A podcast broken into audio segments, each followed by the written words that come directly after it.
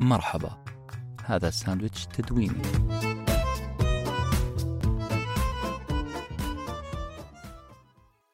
لدي حياة.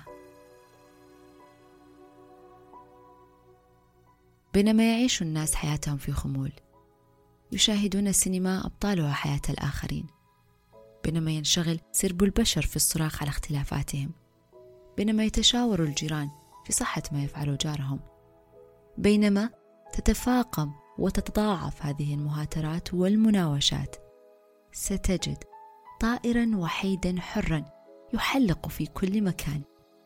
لم تزعجه الصراخات. لم تجدي معه المشاورات. وانغلقت أذنيه عن كل الصيحات طائر حر اعتنق جملة من كلمتين. لدي حياة. حلقة اليوم بعنوان لدي حياة. كتب النص أنس بن حسين. ألقى على مسامعكم شموخ عبد الكريم. قام بالمونتاج الموسيقي فريق نوتا ورقية. الحياة فيها ألوان ثانية غير اللون الوردي. ألوان أكثر قتامة. فقد تصطدم بالواقع بأكثر من طريقة. فهذا حاسد يسخف من حلمك لإثنائك عن العمل. وهذا متراخ يصعب عليه رؤية المستقبل. وهذا يقلل من فرص نجاحك التجاري وآخر غير مقتنع بك ولا بفكرك. كل أولئك موجودين أما الطامة الكبرى فهو قريب أو صديق يعرف عنك الكثير أكثر مما ينبغي. فيقوم بالتركيز على أضعف نقطة فيك. قد يكون محبا لك قلقا لك وعليك. وقد يكون العكس. خائف منك محاولا ثنيك عن استكمال رحلتك بطريقتك. هذا السيناريو غير وردي ابدا. وارد الحدوث قاسي الملامح. ولكن لا بأس. خلونا نكمل. هذه الصدمات تهد جبال. نعم أنا معاكم. لكن وببساطه وبكل جرأة أقول لك ولك ولا يهمكم من هذه الصدمات. وإذا استعجبتم من بساطة الجواب فمعكم حق. الجملة لم تكتمل ولذلك أكملها قائلة ولا يهمكم من كل الصدمات من كل التشكيك من كل الإحباط. طالما وعشرة خطوط تحت الكلام اللي جاي. طالما عندك إيمان. نعم. إيمان. إيمان بنفسك بعملك بمشروعك وبمبدأك.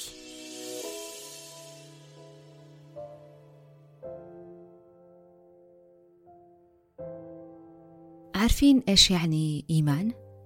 إيمان بالبلدي البسيط يعني برنامج تشغيل. كل ما انطفأ الجهاز أو غفى غفوة بسيطة عاد للعمل بنفس الهمة بنفس المبدأ بنفس الأكواد.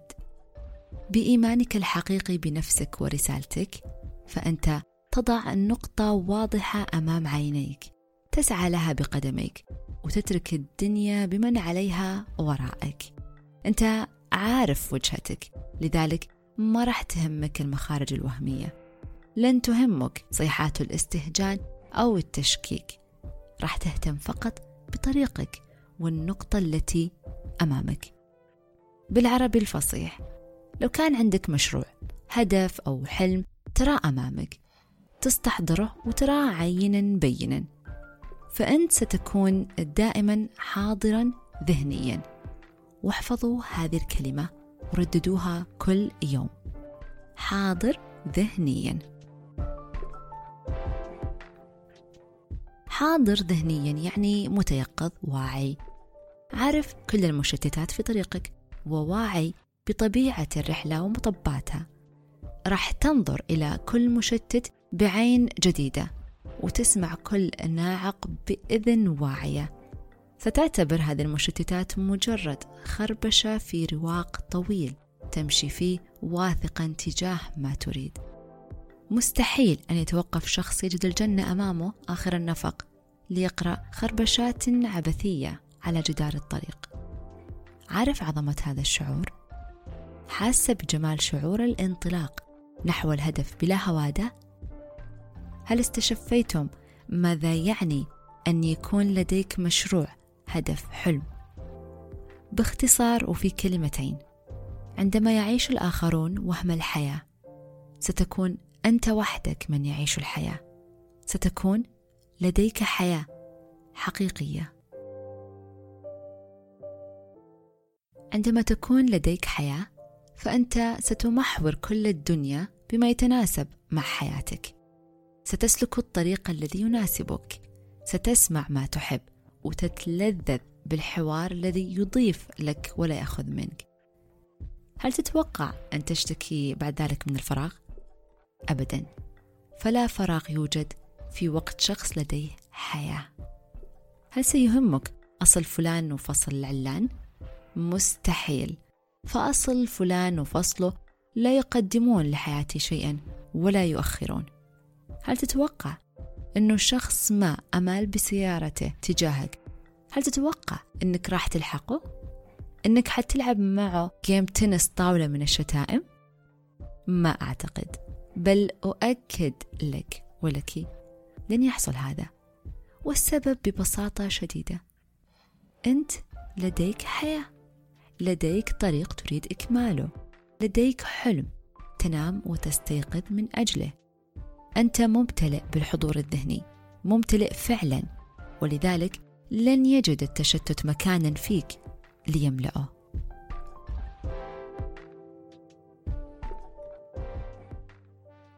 لكن وكما يقول المثل كثرة الدق يفك اللحام.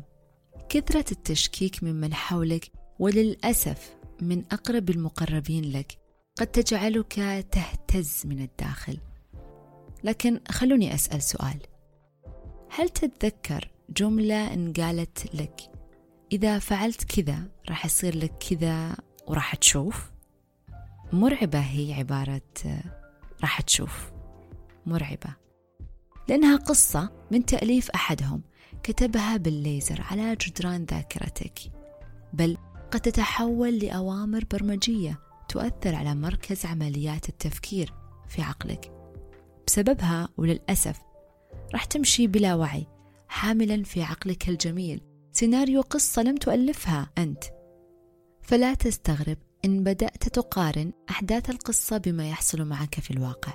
بالسقطات النفسية البسيطة التي تمر بها تبدأ في البحث عن شواهد على كلام ذلك المتشائم.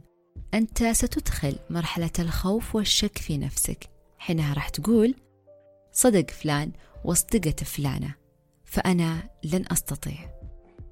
للأسف ما حصل أنك سلمت حبال التحكم في يد شخص آخر. بدأ يتلاعب بك كالدمية على المسرح ونسيت أهم كلمتين هي جوهر وجودك. لدي حياة.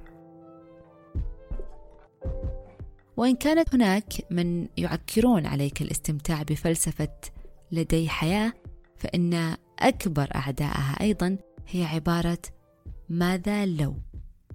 تعرفون أعزائي المستمعين والمستمعات الأسئلة اللي تبدأ بماذا لو؟ سؤال يدعو للتخيل ومفيد لاستخلاق أفكار جديدة وإبداعية ولكن لكل شيء في الدنيا طرفان. أحدهما متطرف في الإيجابية والآخر في السلبية. ماذا لو؟ لو كانت دعوة للتشاؤم والإحباط سواء كان محيطك متشائم أو لا فقد تعمل أسئلة ماذا لو على تغذية الخوف بداخلك. ماذا لو؟ طريقة تفكير مرعبة لخلق سيناريوهات لم تحصل تخاطب بها نفسك دائما تجعلك حذرا حد الاضطراب خائف متوقع لكل سيء قادم لذلك افحص حواراتك الذهنية واسأل نفسك بصراحة هل تكثر الماذا لو بينك وبين نفسك؟ ماذا لو لم أنجح في مشروعي؟ ماذا لو أخطأت في نطق كلمة أثناء إلقائي؟ كيف ستكون نظرة الناس لي؟ كيف سأتحمل انتقادات زملائي في العمل؟ ماذا لو هي إبرة تجعلنا نخاف من الحركة نفقد بسببها الثقة ثم نتوقف. للأسف سنموت ونتجه للإندماج في حياة الآخرين. بالأصح ستكون حياة الآخرين هي حياتنا وننسى فلسفة لدي حياة. كيف أكتشف أنني أعيش حالة ماذا لو. ببساطة تتبع مخاوفك. من ماذا تخاف وما مصدر هذا الخوف. لو كنت مثلا خائف على مستقبل أبنائك فاعلم أنه وراء هذا الخوف تشكيلة جيدة من أسئلة ماذا لو. ماذا لو لم يسعفهم التعليم اللي يتلقونه الآن لإيجاد وظائف مستقبلية. ماذا لو أن شخصياتهم ليست قوية كفاية لخوض تنافس وظيفي أو مهني في المستقبل. وهكذا. ستنهال الأسئلة عليك. أسئلة تبدأ بافتراض وتنتهي بتسعين فيلم ميليودرامي مؤلم. تتحول هذه الأفلام لحقيقة تعيشها ليل نهار. وبدأت أعيش معها حالة رعب وقلق. قلق يكدس سموما فتاكة في كل خلية في جسمي. توتر يسرع تنفسي وضربات قلبي ويشغلني تماما على أن أقول الجملة الأهم لدي حياة. كل السيناريوهات اللي تدور في عقولنا ما هي إلا هولوجرام عالم الهولوجرام غير حقيقي. راح تتبخر هذه الصورة الهولوجرامية بمجرد الوعي بها. ستجد بعد تبخرها أنك تتمتع بصحة جيدة. تمتلك وجها جميلا. تعيش مع أبناء سعداء. يعيشون حياتهم ويتعلمون بك وبغيرك. المشكلة في ذاتها لا تزال مجرد توقع. تخمين. افتراض. لما قد يحدث لاحقا. أما الآن وهنا فلا يوجد لديك أي مشكلة فعلا. هولوجرام الخوف. لا يجعلنا نفرق بين ذات مؤمنة بنفسها وبين ذات وهمية خائفة فقدت حياتها. كارثة هي أن تعيش حياة الترقب. خليني أوضح كلمة ترقب شوية. ترقب يعني توقع وانتظار أن يحصل حدث ما في أي لحظة. بالأصح أن تأتيك المشكلة في أي لحظة. وليتها تنتهي على كذا وبس بل أنت تنتظر حدوث المشاكل بأدق تفاصيل السيناريو المقلق اللي أنت اخترعته. تنتظر وتعيش هذا السيناريو وتستحضر كل مشاعره المصاحبة بكل تأثيراته على جسدك ونفسيتك. عارف أنت أشبه بمين؟ بشخص يعيش حياته في حالة انتظار فقط. بشخص عايش في المحطات ما بين المدن. عمره ما عاش في مدينة. ولا شاف تلالها ولا تسلق قمم جبالها ولا سبح في بحرها. شخص عايش في المحطات في المطارات تتساءل دائما عن وقت الرحلة متى تصل ومتى تقلع. تسأل متى ومتى ومتى متى يصل فلان متى أحصل على وظيفة أرقى متى أصل لأول الطابور متى ينتهي طبيب الأسنان من عمله. والأسوأ أنه حتى لحظات الانتظار الجميلة ستترقب انتهائها متى ينتهي هذا العشاء الزوجي المرصع بالحميمية حتى أقوم بإنهاء مهمة عمل تشغلني؟ متى تنتهي هذه المباراة الحماسية اللعينة التي أشاهدها حتى أجري اتصالات تقيني مشكلة متوقعة في العمل؟ متى أنتهي من هذه الدراسة المزعجة حتى أحقق حلمي وأعمل مشروع في نفس المجال الذي أدرسه؟ يا جماعة ستعيش حياة كلها انتظار وترقب وهذه فعلا كارثة. الحل سهل وزي ما قلنا. الوعي بضرورة أن تكون لك حياة حتى تنشغل بها عن حياة الآخرين. أن تحذر من افتراض ما لم يحصل وحتى لو افترضت فهذا توقع وليس واقع. أنت في واقع أجمل بكثير من توقعك.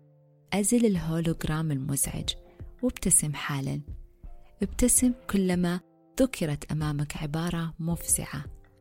ابتسم واعرف أنها ستحاول تفعيل قنبلة ال ماذا؟ لو.